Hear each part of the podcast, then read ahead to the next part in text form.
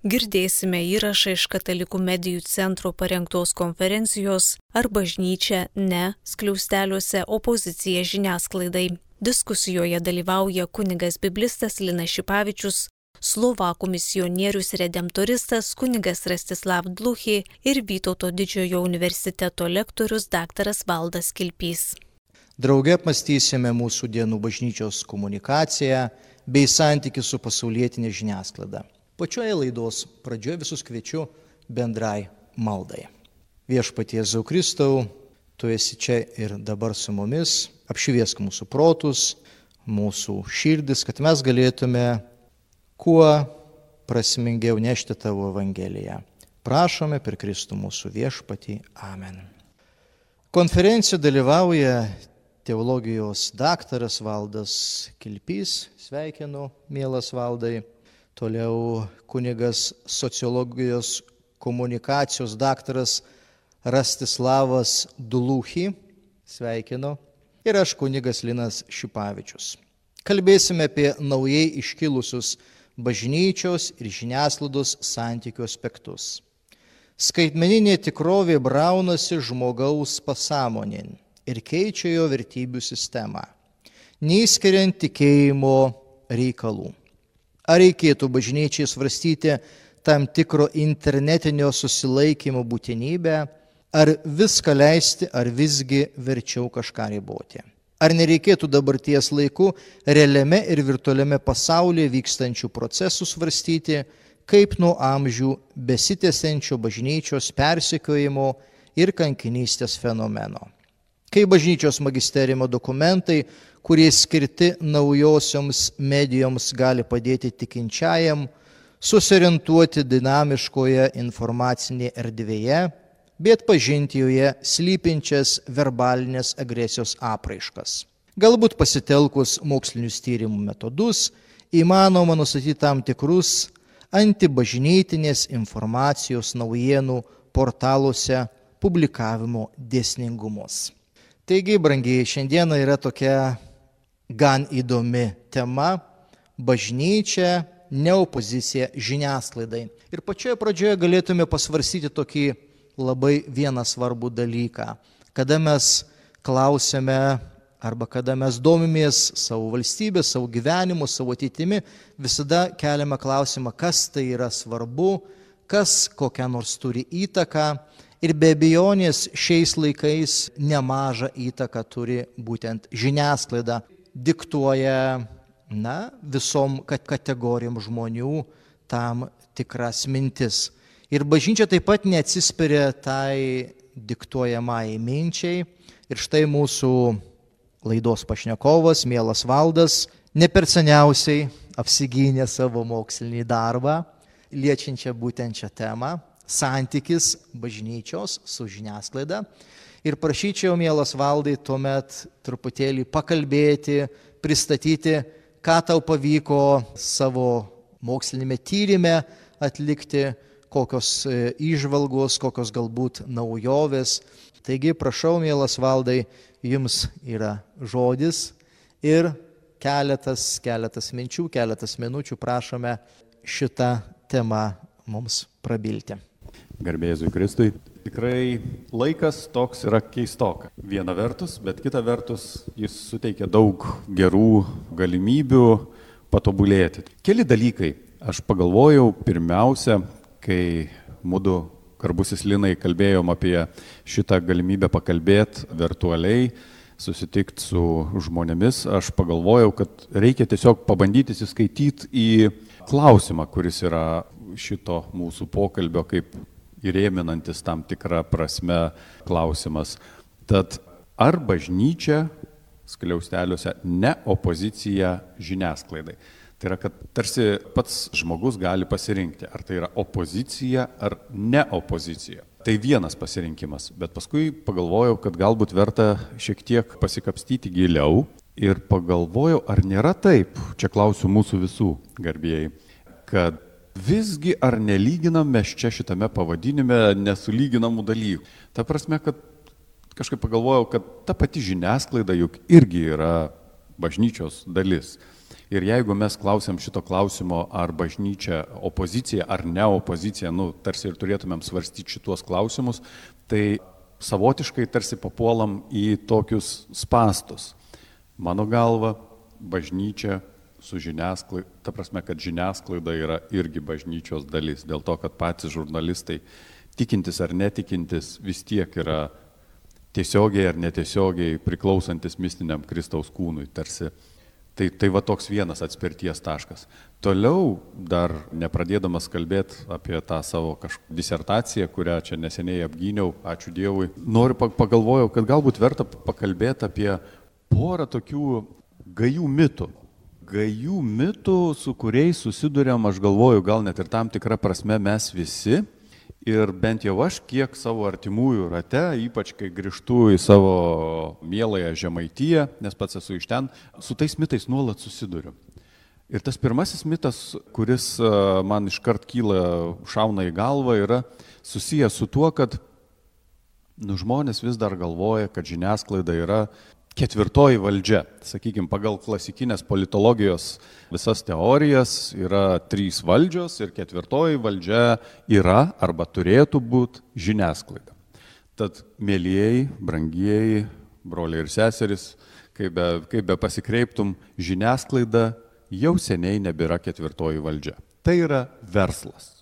Tai yra verslas, pačia griniausia išraiška Ir netgi jeigu mes kalbam apie tas žiniasklaidos priemonės, už kurių egzistavimą susimokam iš savo mokesčių, neišskiriu pačių didžiausių, įtakingiausių ir nacionalinių žiniasklaidos priemonių, tai visgi mes susidurėm su tam, tikro, tam tikrų manipulacijų galimybėmis ir esamybėmis.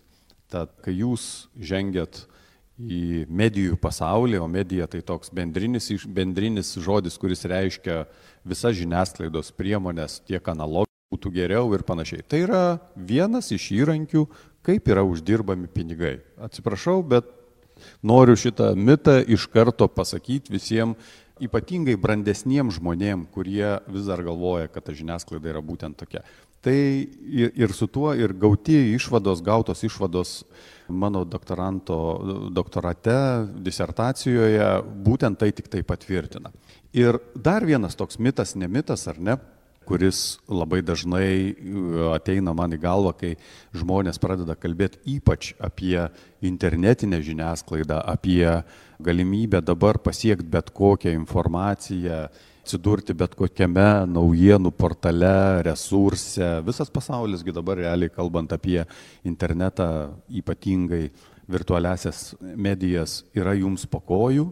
Tai dar vienas mitas yra susijęs su tuo, kad jau dabar reikia pradėti galvoti ne apie tai, kad šitas virtualusis pasaulis jums suteikia neribotas galimybės, bet apie tai, kur ir kaip aš turėčiau tas galimybės savo pradėti ribot. Tai yra tiesiog saiko ir susilaikymo klausimas. Ir jeigu anksčiau būdavo turbūt vėlgi brandesni, nu, ir galiausiai ir, ir mūsų amžiaus žmonės prisimins tas toks tam tikras ar nepasipuikavimas, kad aš čia turiu kažkokį puikesnį telefoną, geresnį kompiuterį ir panašiai, tai dabar puikuojasi žmonės tie, kurie gali savo leisti nežvilgčiot į monitoriaus ekranus. Tiesiog gali savo gyventi, žiūrėti medį, žiūrėti dailų paveikslą, žiūrėti į tiesiog miesto panoramą ir nesukt savo smegenų, vis žvilgčiojant į pypsinti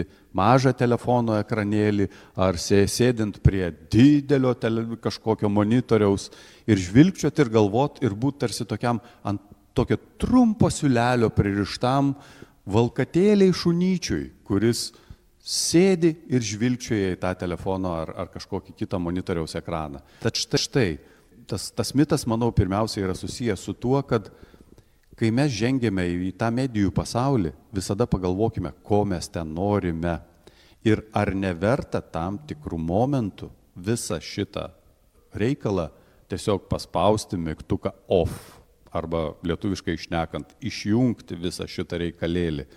Nes ir čia jau po truputėlį artėjau prie savo darbo reikalų, kad kai tu įžengi į medijų pasaulį ir ypač internetinį pasaulį, yra galimybė nuklysti ir jinai yra sąmoningai kuriama. Ir jeigu tu ieškai kažkokios galbūt dvasingos skaitimo ar panašiai, tai niekas nėra garantuotas, kad tu nenuklysi kažkur į pievas ir visas tas dvasingas noras kažką paskaityti, pažiūrėti ir patobulėti išsivers visai priešingai. O kadangi klausimas buvo, aš čia tokį ilgą labai įžangą. Nu, net... Aš dar norėčiau trečią mitą pridėti, bet palauksiu, kada baigsi sakinį, aš tada taip dar mes patampysim. Tvarkoj. Ir, ir kadangi tai nebūtų vien tik tai mitų dekonstrukcijos, visgi vienai par kitaip turiu pakalbėti ir, ir, ir apie tą patį disertaciją, kuri vienai par kitaip galbūt buvo toks šioks toks postumis mums čia susirinkti puikioje draugijoje. Tai kas ten buvo atskleista, tai tiesiog kalbant paprastai, paėmiau tris didžiausius naujienų portalus, kompiuterizuotom programom, supratingų žmonių pagalba sukūrėm atskiras programėles, jos visos buvo praskanuotos, iš pradžių atrinkti raktiniai žodžiai, kategorijos, subkategorijos, bet nesivelkėme tuos labai e, giliai mokslingus dalykus ir buvo identifikuoti, vadinkim, šiek tiek bažnyčia iš neigiamos pusės arba verbaliai agresyvūs tekstai ir identifikuotos pagrindinės kryptis, kurios yra, sakykime, labai rūpi naujienų portalams. Kalbam apie tris naujienų portalus, didžiausius, jokia nepaslaptis. Pirmoje vietoje yra būtent Delfi, 15 ir Lietuvos rytas ir 15 minučių. Ir e, praskanuotas visas tas turinys ir, ir, ir bandyta įsiaiškinti, kokios temos yra pagrindinės, kur yra šiek tiek, nu ne šiek tiek, gan, gan, gan rimtai puolama, vadinkim, bažnyčia verbalinė agresija pasireiškia. Tad aš jau iš karto jas tas tris temas apreikščiu, kurios galbūt irgi tam tikras įrėminimas mūsų pokalbiui galėtų būti, ar ne. Tad pirmoji ir pagrindinė tema, kuri labiausiai rūpi bent jau iškart e, pabrėžiu, internetinėse medijos, medijose, trijose naujienų portaluose, internetiniuose. Čia neįeina nei laikrašiai, nei radijas, nei nieko tokio. Tai yra pirmoji tema yra susijusi su dirbtinio apvaisinimo dalykais, arba aš ją praplėščiau į gerokai plačiau apskritai su gyvybės kultūra, su, o į gyvybės kultūrą įeina daug temų, tematikų, tai yra visas atskiras e, pasaulis nuo šeimos dalykų iki tiesiog va, dirbtinio, apvais, dirbtinio apvaisinimo reikalų, embrionų apsauga, nu, visa ta, visas tas, jo, ta, ta tematika, kuri yra susijusi būtent su šitais dalykais, yra neabejotinai internetinės žiniasklaidos akiratyje įdėmiai akiratyje. Antro, antroji tema iš tikrųjų yra daugiau susijusi su tuo, kad bet kokia žiniasklaida dabartinėme laikotarpyje ypač, ir čia susijęs yra su būtent su tuo mitu, kad kalbam apie ketvirtąją valdžią ar apie kažkokį pozityvų nusteikimą, kiekviena žiniasklaida yra nori turėti dėmesio, o kadangi, jinai, o kadangi dėmesys garantuoja tos žiniasklaidos išgyvenamumą. Ir kalbant apie internetinę žiniasklaidą ypač, kiekvienas jūsų paspaudimas toje tame naujienų portale yra fiksuojamas ir kuo daugiau paspaudimų, tuo daugiau šitas naujienų portalas turi galimybę parodyti reklamos davėjams, kad yra lankomas, o kuo daugiau lankomas, tai tuo brangesnė reklama jame. Tai kiekvienas jūsų paspaudimas, taip atvirai pasakius, uždirba pinigus tam interneto resursui, į kurį jūs einate ieškoti vienokios ar kitokios informacijos. Ir antroji tema, grįžtu prie to pagrindo, yra susijusi tiesiog su vienuolių, kunigų asmeniniais dalykais, nes tai žmonėm rūpi. Tarsi, nu, kam nerūpi pasiknaisiot po svetimus baltinius, ar ne, pasižiūrėti, kaip jis gyvena, ar kažką jis blogo gero, kiek ten teko mokėti už vieną ar kitą dalykėlį, kuris yra susijęs su bažnytiniu gyvenimu. Tai šitos temos jos visada sutraukia tų tokių galbūt ne visai intelektualių e, naujienų portalų lankytojo dėmesio.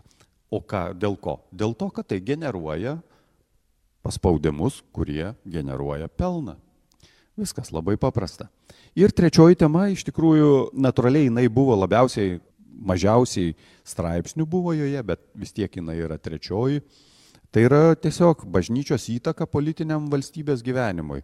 Tai čia visi didėjai dalykai, kurie už tampa aštresni, e, labiau pastebimesni naujienų portaluose būtent prieš rinkiminių laikotarpių, kada reikalinga valdžia, kada pradeda kautis tam tikros ideologijos, tam tikros partijos, interesų grupės, galbūt pirmiausia reikėtų sakyti. Ir šitos tematikos natūraliai šauna aukštyn, kadangi padariau ten ir grafikus, ir, ir grafinį vaizdą. Tai tai yra tiesiog sezoniniai dalykai, kurie natūraliai kažkaip tai tarpusavyje koreliuoja. Tad Tad štai, tęsiant mūsų kalbą, aš galvoju, kad, kad, kad pirmiausia ir svarbiau, ko gero, yra atsikratytų vyraujančių mitų, negu kad čia mes dabar kažką. Tas mano darbas yra tiesiog galbūt bandymas paimti tokį pakankamai siaurą informacijos ruožą, jį išnagrinėti ir kad tas siauras nagrinėjimo ruožas, ar ne penki metai buvo laikotarpis, kada buvo nuskanuoti visa, vis, visas tas turinys, per tuos penkis metus bandyti padaryti kažkokius apibendrinimus, nuo kurių jau būtų galima atsispirt ir padaryti kažkokius didesnius apibendrinimus, siekiant tiesiog geresnio bažnyčios komunikavimo, galiausiai šlovės Kristui, ko, ko čia slėpti. Ta prasme, kad, kad vat, atsispiriant nuo kažkokių konkrečių paprastų dalykėlių, tu galėtum labai aiškiai pasakyti, kad yra taip, o ne kitaip. Tai va toks ir tikslas buvo iš tikrųjų. Kas svarbiausia, kad valdų doktoratas yra novum po Lietuvos padangę ir netgi domėjosi valdas tiek, sakykime, vat, ir buvo recenzentas iš Liublino katalikiško universiteto profesorius, taip pat sakė, kad Lenkijoje irgi nėra tokios padarytos studijos. Ir abejotina iš vis, ar, ar, ar tai yra na, pasaulinėme lygiai, galbūt kažkas tai ten užuomasgos, bet iš tikrųjų valdo šitas toksai apsisprendimas šitą tematiką gvildenti iš tikrųjų yra naujas ir, ir mums kaip bažnyčios atstovam, bet gerai labai valdas pasakė, žinai, kas, kas tai yra ta bažnyčia, ar ne? Ta bažnyčia būtent yra visi mes žmonės ir, ir to tokiu socialiniu dėmeniu, bet jeigu mes žiūrėtume to teologiniu dėmeniu, tai bažnyčia stovi už visus aukščiau, ar ne, nes bažnyčia yra ta, kuri veda būtent į dangišką Jeruzalę, kur, kur mes esame visi pakvisi santykių su Jėzumi Kristumi. Bet vis dėlto iš šitos tematikos išplaukia tokie, na, įdomus dalykai. Aš dar norėčiau pakalbėti apie tokį, vat, kaip valdas pradėjo kalbėti apie tos mitus, toksai trečias mitas, jisai iš tikrųjų dar funkcionuoja, kad žiniasklaida yra neklaidinga. Jeigu žiniasklaida kažkas tai yra pasakyti arba parašyti ar ne, tai vadinasi tai yra tiesa. Ir tarkime, na, kalbi su kažkokiais tai žmonėmis ir diskutuoji ir tas žmogus man sako, taigi skaičiau laikraštį, ar ne? Arba taigi skaičiau, žinai, ten ir ten, Lietuvos rytį arba, arba ten Delfį. Ir supranti, tai tarytum yra žmogaus tokios tiesos, supranti, na, koncentratas, ar ne? Jeigu tenai yra parašyta visą visiška tiesa. Ir pats e, mielas valdas kalbėjo, kad va būtent šita internetinė žiniasklaida iš tikrųjų jinai neturi tokio svorio, netgi, tarkime, ir tame, na, mokslinėme truputėlį kontekste, nes tas straipsnis yra išimamas, arba jisai ten, sakykime, surinktas iš kažkokių tai nedidelių gabaliukų, suklyjuotas ir dėl to, tarkime, apie kažkokį tai va, tiesos faktorius mes galėtume dabar valdai pakalbėti, žinai, žiniasklaidos tiesos faktorius, ar ne, pats, pats minėjai, kad e, tiesa yra truputėlį ten yra, kaip sakoma, išplauta. Aš dabar pagalvojau apie tokį, padarykit, gerbėmieji, vis tiek jau, padarykit e, eksperimentą, kurį aš darau nuolat, arba bandau daryti nuolat. Eksperimento esmė, tu sėdi prie savo kompiuterio ir susigalvoji kokį nors šiek tiek retesnį žodžių darinį. Pavyzdžiui, paskutinė vakarienė arba kažką tokio, apie ką jūs jau ko rezultatų paieškos visose varikliuose jūs ieškojot prie savo nuosavo kompiuterio. Įsivedat į paieškos sistemą, į tą patį Google ar panašiai ir galbūt nusifotografuojat ar pasidaro to ekrano atvaizdo rezultatus tiesiog atsispausdinat ar kitaip išsisaugot. Tada nueinat pas savo draugo pažįstamo kompiuterio, darbinio, ne, į darbinio ne, kadangi jūs ten irgi busit panašaus turinio ieškoję, bet tiesiog į kitos mens kompiuterį ir tada susivedat tuos pačius žodžius, identiškus absoliučiai. Ir jūs pažiūrėsit, kad visi šitie rezultatai bus pritaikyti prie to asmens, kieno kompiuteryje jūs darote paiešką dalykų galima improvizuoti daug, bet aš, kadangi tuos eksperimentus atlikinėjau, tai tikrai žinau. Pavyzdžiui, jeigu tas asmuo prieš tai ieškojo kokių nors, nežinau, sportinio kostiumo, tai jūsų paskutinė vakarienė bus susieta, kad geriausia, kur ten galbūt su sportiniu kostiumu galima ateiti, pavalgyti vakarienės ar panašiai. Žodžiu, visi tie dalykai, ką, ką noriu pasakyti, neapsiveldamas ties, neapsistodamas ties šituo eksperimentu, kad net paieškos varikliai, paieškos sistemos, mes dažniausiai naudojamės e, Google paieškos sistema, aišku, jų yra pasaulyje daugiau. Neveltui ta pati rytinė kaiminė yra susigalvojusi savo atskirą nacionalinį Yandex, e, kinai turi taip pat atskirus paieškos variklius, jie taip vadinami. Jūsų paieška yra adaptuota prie to, kur jūs nardote, ką jūs žiūrinėjate, ir kokiais dalykais jūs domitės. Ir jeigu jūs atsisėdote prie kito asmens kompiuterio, e, tai reiškia, kad kitas asmuo domėjosi natūralu kitais dalykais. Ir jums pateikiamas jau suveltas ne jūsų pasaulio vaizdas, ar ne? Tai štai, kur yra tiesa, Linai, kur yra tiesa, jeigu taip žiūrint, va būtent liekant ties tuo internetinių medijų pasauliu, ar ne, nėra tos tiesos. Bet čia jeigu liekam ties šituo lygmeniu, Bet grįžtant prie tos pačios disertacijos, bandžiau identifikuoti žiniasklaidos etinius principus, kurie realiai buvo tarsi išspausti toks tarsi koncentratas iš, iš bažnyčios magisteriumo dokumentų, kurie yra skirti būtent internetiniai ir bendrai žiniasklaidai, komunijoje progresijoje, intermirifika. Ir priejau prie tokių išvadų, kad tiesa ir teisingumas taip, Pati bažnyčia sako, kad tai ir turėtų būti žiniasklaidos vienas iš principų ir pagrindinis principas. Bet kaip yra, tai čia kitas klausimas. Bet kad kiekvienas tikintysis, kuris vat ir dabar sėdi prie kompiuterio, žiūri vieną iš socialinių tinklų transliaciją, turi atsiminti, kad tai yra tiesa ir teisingumas. Antras principas - atsakomybė socialiniu, ekonominiu, politiniu ir visais kitais dalykais. Tai šitas principas yra labiau taikomas pačiai medijai, pačiai žiniasklaidos priemoniai, pagarba žmogaus orumui. Žmogus yra orus. Net ir tada, kada susidurėm su mažutėliu, nuskriaustųjų ir kitokių žmonių pasauliu, turbūt žvelgiant iš kiekvieno tikinčiojo pozicijų, netiškai yra žiūrėti, kada tiesiog, pasakysiu paprastai, netiška žiūrėti, kada kažkas yra skriaudžiamas. Tiesiog, kadangi tas žiūrėjimas irgi yra tam tikras palaikymas to resurso, kuriame yra ta informacija padaryta. Galbūt dar vienas mitas, kurio mes turėtume visi atsikratyti, yra susijęs su tuo, kad negalvokime, kad internetinis pasaulis yra anoniminis. Viskas yra, bet čia nėra samokslo teorija. Čia yra tiesiog, bet kiekvienas jūsų paspaudimas yra matomas, kiekvienas jūsų paspaudimas apauga kita informacija, tais vadinamaisiais sausainukais ar panašiai. Ir, ir jeigu jūs žiūrit kažkokius tai ne visai etiškus dalykus, ar ne, kurie nekoreliuoja su žmogaus orumu ar panašiai, tai reiškia, kad jūs realiai palaikote tą žiniasklaidos priemonę, kurioje tas daiktas yra rodomas ar tai būtų YouTube'as, ar tai būtų kitos kažkokios platformos. Tai reiškia, kad tu palaikai, nes tu žiūri tai. Tai reiškia, kad iš tavęs jie uždirba pinigus. Tai štai, ir, ir aišku, kai kalbam apie tą internetinę žiniasklaidą, ir, ir čia nuo tiesos pradėjom, bet baigiam tokiais bendrasniais dalykais, ar ne, reikia pagalvoti, apie ką mes kalbam. Etika galioja ne tik pačiam turiniui. Etika, etiniai nuostatos, e, krikščionišk, krikščioniškos vertybės turi būti taikomos ne tik turiniui, bet ir pačiam procesui, kaip tas dalykas atsirado, pačiai žiniasklaidos priemoniai, koks kontekstas, koks jos yra pobūdis, jeigu mes žiūrim kažkokį itin krikščioniško pobūdžio vaizdelį, vadinkim, komunistams priklausančiam tinklalapyje, tai ko gero tai nebus tai. Tai reiškia, kad jau reikia įtemti ausis. Na, čia aš aišku irgi taip perspaudžiau, ar ne, komunistams ar panašiai, bet kažkokioj antikrikščioniško resurse, tai irgi natūralu, kad etiniai principai yra taikomi ne vien turiniui. Tu negali paimti vieną konkretų produktą, daiktą, vaizdą, tekstą ar panašiai ir nematyti, kur jisai yra patalpintas, su kokiu tikslu ir koks visas tas procesas. Jau nekalbu apie tai, koks ten tas autorius yra. Rastislavai, ką Jūs galvojate? Tai dabar nebus tobulai lietuviškai pasakyta, nes aš iš Slovakijos esu, bet e, kai kalbėjote apie žmogišką orumą, mums reikia palaikyti, kai mes esam internete arba medijoje, tas to žmogiško orumo.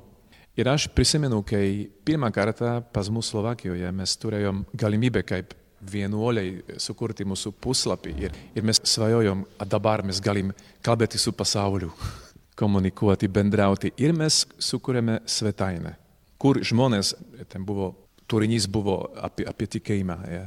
Ir žmonės galėjo kažką parašyti, sukomentuoti mūsų straipsnius. Ne visada tai buvo mandagu, ką jie parašė. Ir mes galvojam, nu kaip tai yra, aš leidžiau tam žmogui tarsi aplankyti mano svetainę. Įsivaizduokit, jūs turit svetainę namuose ir svetimas žmogus įeina į jūsų svetainę, bet ir, ir tavo vaikai ten sėdi, ir tavo žmona, ir tas žmogus pradeda elgtis labai nemandagiai. Tai ką tu padarysi? Tai yra tavo namas, tavo svetainė. Nu, atsiprašau labai durys ten. Ką noriu pasakyti, mes labai bažnyčia yra šeima ir institucija, kurie nori labai kalbėti su pasauliu. Mes tai, tai yra mūsų, mūsų misija atnešti gerąją naujieną, bet kartais per tą bendravimą yra ir tokių ne, nemalonių dalykų, bet mes dėl žmogiško orumo mes galim pasakyti, atsiprašau, durys ten, aš tau leidžiau įeiti į mano svetainę, prašom, mes galim nesusitarti, bet prašom, bent mandagiai pasikalbėkim, kaip žmonės. Tai mums kartais sunku tai daryti, nes to nemandagumo yra daug internete ir, ir tai mūsų užduoti kažkaip kultivuoti, puoselėti tą, tą lygį, kur mes galim kaip žmonės kalbėti su tikintiesiais, netikintiesiais. Tai uh, tik norėjau kažką pasakyti apie tą žmogišką orumą, kad mes, mes bandėme Slovakijoje pas mus ir ne visada pavyko mums, kartais reikėjo tik išjungti, nes buvo tiek daug tokių ne tik nemandagų, bet uh, blogų dalykų. Tai ir toks yra toks rizikas, kai, rizika, kai žmogus bando atidaryti duris ir prašom, noriu bendrauti, nu ne visada tai išeis, bet vis dėlto reikia kažkaip bandyti, na, tik toks mažas komentaras. Tas labai svarbus yra tas naratyvas, ką mes, ką mes matome, žinai, Lietuvoje. Dabar kokia yra iš tikrųjų, na, žmogaus vat, kultūra, koks yra santykis į žmogaus tą vat, orumą ar tą erdvę. Ir matome taip pat, kad tas, tas atstumas, ta distancija iš tikrųjų jinai praktiškai ir sunaikinta, vat kaip ir Ratislavai sakė, ir ne, jeigu aš tave įsileidžiu savo erdvę, į savo svetainę, aš noriu, kad tu pagarbiai, kultūringai, žinai, elgtumėmės. O tarkime, dabar mes žiūrime, kad na, tos kultūros, tos tokio, tokio distancijos iš tikrųjų nėra. Nes jeigu ten žmogus įėjo vat, ir antra vieta, kaip ir, ir valdai minėjai, ar ne, tas e, dvasininko gyvenimas, bažnyčios gyvenimas, dvasininko gyvenimas, jisai būtent yra aktualus nu, žmonių grupiai.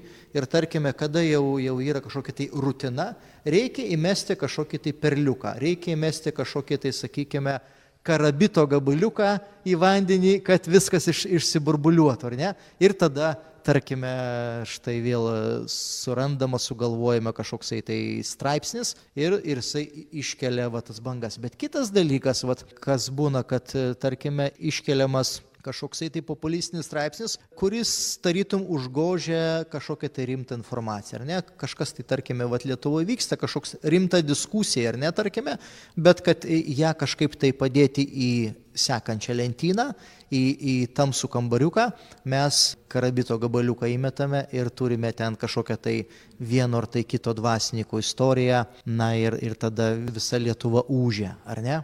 Tai va čia irgi yra va tas žiniasklaidos darbas. Tai šitoj vietoj čia vėlgi dešimt laidų galima daryti šitą tematiką, nes čia mes susidurėm su apskritai su propagandos, su manipuliavimu technologijom, kurios yra daug kartų aprašytos, yra pagrindiniai dalykai, kurie yra nekintami praktiškai dar nuo laikraštienos atėję sėkmingai ir į internetinį pasaulį perėję. Tad, o, o, o tam Stalinai jūs įvardijot vieną iš tokių jo pagrindinių dalykų, kada tiesiog yra kažkoks reikalas, labai svarbus ir yra užmetama dar viena kažkokia tai kita melagiena ar alternatyvi naujiena, į kurią žmonės kreipia dėmesį, užmirždami apie pirmąją. O sakau, čia apie propagandą gal tiesiog, sakau, čia atskiros laidos tematika, nes ten yra ir kaukės, išgelbėtojas. Kiekvienas šitas propagandos arba manipuliavimo būdas yra tikrai aprašytas ir apie tai galima labai ir ilgai kalbėti, bet grįždamas ir prie to paties ar nesakykim, prie tos disertacijos, kadangi vis tiek vienai par kitaip nedaug laiko praėjo nuo jos, tai man jinai vis galvoje. Kadangi visus tuos, vadinkim, apie bažnyčią ir negatyviai atsiliepiančius straipsnius e, tiesiog programa buvo pavaizdavusi ir grafiniu pavydalu, tai tarkim, ką va pats sakėjai, labai gražus pavyzdys buvo popiežiaus vizitas. Kalbu apie paskutinį, ar ne? Ir prieš popiežiaus vizitą labai aiškiai, konkrečiai padaugėjo tekstų, aišku, ir bendrai padaugėjo tekstų apie bažnyčią, apie popiežiaus instituciją, apie Vatikaną ir panašius dalykus, bet natūraliai tų tekstų, kurie yra negatyvus bažnyčios atžvilgių, padaugėjo keliariopai. Ir tas, vadinkim, grafikas labai stipriai šovė aukštyn būtent prieš popiežiaus vizitą. Tai kas tai yra? Tai yra būtent tas dalykas, kada vietoj to, kad kažkaip pozityviai pasakyt, va, nu, vis tiek tartautinis įvykis į Lietuvą atvažiuoja popiežius, vienas iš galingiausių pasaulio žmonių, kuris iš tiesų toks yra, nežiūrint to, kad vadovauja įtin menkai valstybėliai, saliginai vadinkim, tai ir kad nušviestai pozityviai yra specialiai knaisiojamasi kažkur, tai kaip ten kas, kažkur, nu, žodžiu, ten kažkokie bankai, kažkokios pedofilijos, kažkokie dalykėliai, kurie realiai nukreipia žvilgsnį nuo pagrindinio aiškaus įvykio, kuris laukia tuo metu visos Lietuvos. Čia galima susidurti su to postmodernizmu, vis dėlto jisai yra labai stipriai įsišaknyjęs, kad greuti visus autoritetus, ar ne? Ir vienas iš tokių, tokių tarkime, postulatų, nes Kada yra autoritetas, tada reikia laikytis jo žodžio, laikytis jo mokymo. O štai mūsų visuomenė yra būtent dabar mokoma, kad e, autoritetų nėra. Visi mes esame lygus, nesvarbu, ar tu esi, tarkime, popiežius, ar tu esi paprastas, žinai, katalikas, ar tu esi prezidentas, ar tu esi paprastas eilinis darbuotojas. Ir čia iš tikrųjų irgi mes susidurime su ta tokia filosofinė būtent e, idėja, kuri, na, mūsų visuomenę greuna iš, iš vidaus. Dėl tų autoritetų ir aš iš karto kreipiuosi ir į jūs, garbusis Rasislavai, galbūt ir jūs galėsit pakomentuoti. Linai labai teisingai pastebėjote ir aš galvoju, gal net ir praleidau šitą mintį.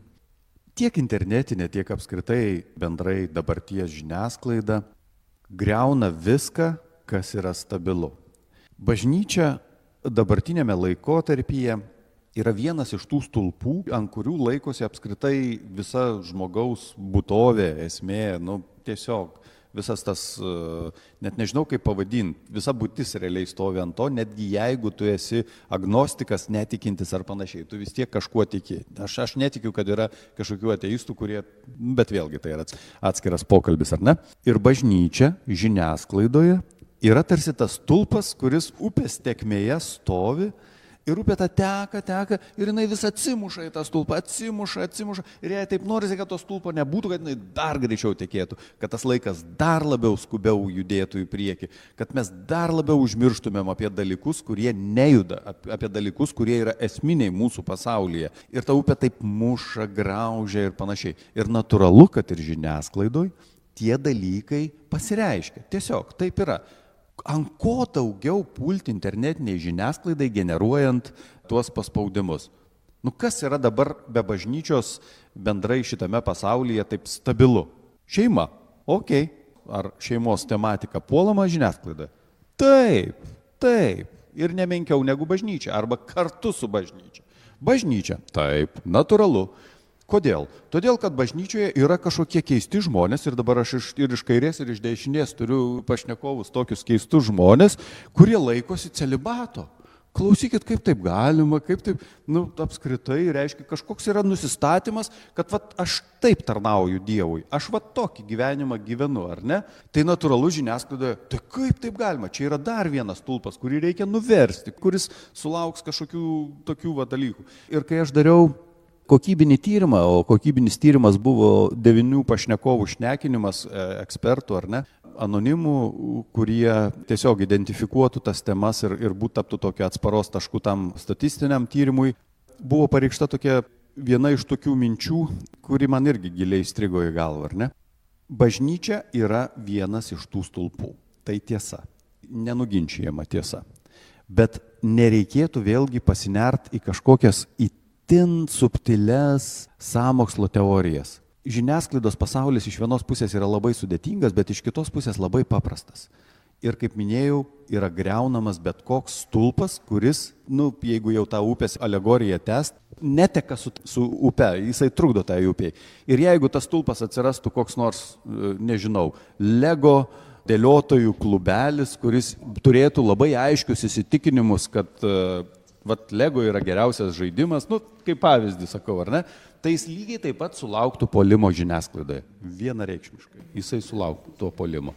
Tad Tiesiog, va toks dalykas. O, o norėjau va jūsų ir, irgi taip gal švelniai paklausti, jūsų šalyje tie stulpai, kurie sulaukia polimo, kokie galėtų būti identifikuoti? Gal irgi, kai jūs pasakot apie bažnyčią, apie šeimą, tos vertybės, kurie čia visada buvo mūsų krikščioniškame pasaulyje, tai yra poliami. Kai aš klausau, kai jūs pasakot apie, apie, tą, apie bažnyčią kaip stulpas, kuris stovi ir, ir ta, ta voda teka, ir, ir tos bangos ateina, ir, ir stulpas stovi.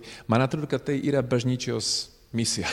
Stovėti, nes dalykai juda, keičiasi. Bet tiesa, kurie bažnyčia neša, nekeičiasi, kad, kad Dievo yra, Dievas myli pasaulį, nori atpirkti kiekvieną žmogų, ieško kiekvieną žmogaus.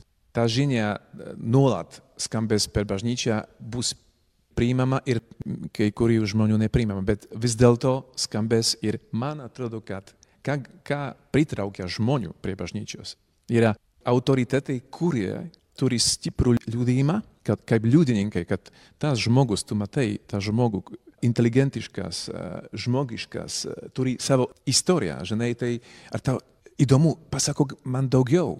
Ir aš galiu įtraukti ir mano tikėjimą į mano liūdėjimą turėčiau. Bet kai žmonės sužinos apie mane, apie, apie mus, kad, kad mes esam ir įdomus žmonės, ne tik tikintys, tai jie gal susidomės ir apie mūsų tikėjimą. Tai man atrodo, kad problema gal bažnyčioje yra ir dėl to, kad mums reikia daugiau tų liudininkų, kurie skelbia tiesą per savo, per savo gyvenimą, per, per savo stiprį istoriją, kur, kurią neša. Ir tai ne, nežinau, man atrodo, kad, kad bažnyčia yra tų liudininkų srautas e, ir e, man atrodo, kad bus visada įdomu ir, ir netikintiems klausyti apie celibatą, apie kodėl jūs tai darot. Ir, ir per tą klausimą, kurį gali skambėti, o tai nemendagu, kad tu, kad tu klausi, aš galiu paaiškinti, žinai, bet mano tikėjime, aš todėl esu kunigas, kad ir prie esmės aš galiu prie, prieiti. Tai man atrodo, kad kartais mes esam kaip kunigai arba tikintieji mes esame nekantrus. Žmonės klausia, o kodėl toks, toks nemandagus klausimas. Bet kartais, okei, okay, leisk jam klausyti, pradėti su, su tokiais klausimais, gal prieisim ir prie pagrindinių dalykų. Ir tai man visada būna privilegija, kai esu tarp žmonių, kurie netiki, bet man, man pakvietė, o, kuniga, atsisēsk. Bet po to, po, po valandos, ateis laikas, kai Aš turėjau vieną galimybę su žurnalistais čia kalbėti. Nežinau, kai atsiradau, tokiame susitikime, bet, bet buvo labai, labai įdomu. Tai man atrodo, kad mano misija ir mūsų misija yra skelbti ir per mūsų asmenišką istoriją, pasakojimą. Tai, nes žiniasklaidoje istorija, asmeniškai yra stiprus dalykas, tikrai. Žmonės skaito, jeigu yra stipri istorija ir mes turėtum turėti tarp, tarp tik, jeigu tikintieji tikri, tai jie turi ko papasakoti. Tai man atrodo, kad visada bus to susidomėjimo per mūsų gyvenimą, kurie gali atvesti žmonės prie, prie tiesos, prie Kristaus. Ir, žinot, tai ta bažnyčia, tų liudininkų bažnyčia stovės kaip toks stulpas. Tu ir parašyta Biblijoje, kad esame tome danguje yra tų liudininkų debesis. Ir čia turi būti tas, tas tų liudininkų debesis, kurie liūdėjo apie kažką svarbaus. Tai man atrodo, jeigu tai bus bažnyčioje, tai, uh, tai bu, bu, bus gerai, man atrodo, bus geriau. Kada mes kalbame apie tikėjimo kažkokį tai turinį arba apie, tarkime, na, bažnyčios kažkokį tai mokymą, kaip pats minėjai, pažiūrėjau, apie šeimą ar ne, apie, apie sakykime, na, pagarbą, apie orumą. Tai kažkaip tai vis dėlto tie žmonės labiau išgirsta tokį neutralų asmenį. Aš, pavyzdžiui, ten Facebook'o paskyroje įmeta Einšteino mintį apie tikėjimą ir visi laikina, suprantate, viskas yra, nes tai yra neutralus asmuo, bet jisai, galima sakyti, yra genijus. Na ir va štai tas genijus, ar ne, jisai va, irgi turi tikėjimą, ar ne? Ir jisai kažką tai pasisako dėl tikėjimo ir visi iš tikrųjų visiems patinka. Jeigu aš pasakyčiau, arba va tu, Radislavas, sakytų, tai čia tavo darbas, supranti, tu esi kunigas, tu, tu jo, tavo verslas, supranti, tavo biznis, supranti, tu turi kalbėti apie tai, ar ne? Ir sakykime, na, aišku, kada tu kalbėt su užsidėgymu, ar ne, ir, ir mato tave, tada viskas kitaip. Bet vat, tas vat, yra kažkas tai vat, to, to, to vat, tokio įdomaus, ar ne, kad vat, dabar žmogų labiau pagauna vat, tas toksai neutralus asmuo, ar ne, sakykime, vat, valdas, ar ne, valdas yra neutralus asmuo, jisai nėra kunigas, ar ne, ir jisai kalba, pavyzdžiui, apie Kristų, ar ne, sako, aš sako, čia dariau tą doktoratą, ar ne, kad iš tikrųjų parodyti Kristaus garbę, ar ne, tai čia yra, žinai, stipru. Ir, ir, ką, ir ką tada daryti, žinai? Na, mes aišku darome savo darbą, ar ne? Bažnyčia skelbia tas tokias nepajudinamas tiesas, va mes kaip kalbėjome, ar ne? Bažnyčia turi 2000 metų nepajudinamas tiesas. Šeima, sakykime, Dievo santykis, ar ne? Kristus prisikėlimas ir visa kita, žinai. Ir, vat, ir, ir ant tų tiesų mes stovime. Ir, sakykime, kažkokia tai grupė žmonių, kurie nori tas tiesas išjudinti, ar ne, iš tų pamatų, ar ne, bet, bet iš tikrųjų sunku išjudinti, tada bando išjudinti patį bažnyčios autoritetą. Ir tuomet, kada judinamas autoritetas, tuomet galima įjudinti ir tam tikras tiesas. Ir štai mes turime būtent tą vat, e, šeimos klausimą.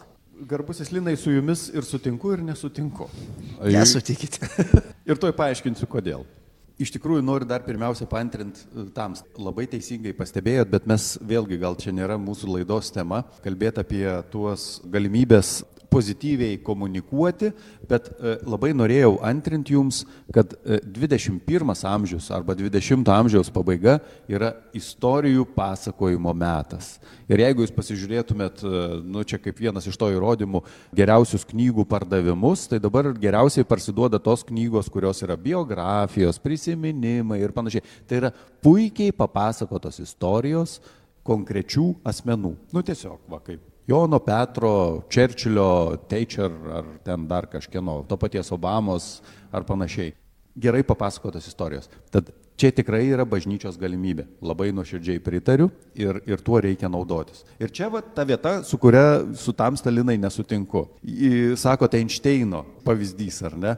Tvarko Einšteiną visi žinom. Bet aš galvoju, gal visgi tai yra daugiau susiję su tuo, kad ta istorija neišsivystė, kunigo pasakojama istorija neišsivystė, arba jis galbūt kažkaip tai ne visai talentingai ją pateikė.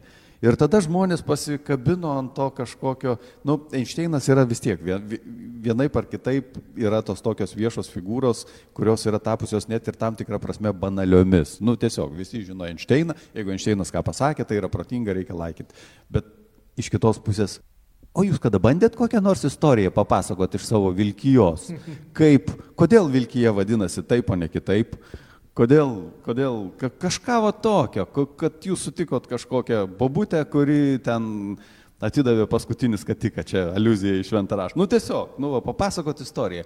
Ir aš beveik esu tikras, kad žmonės skaitytų.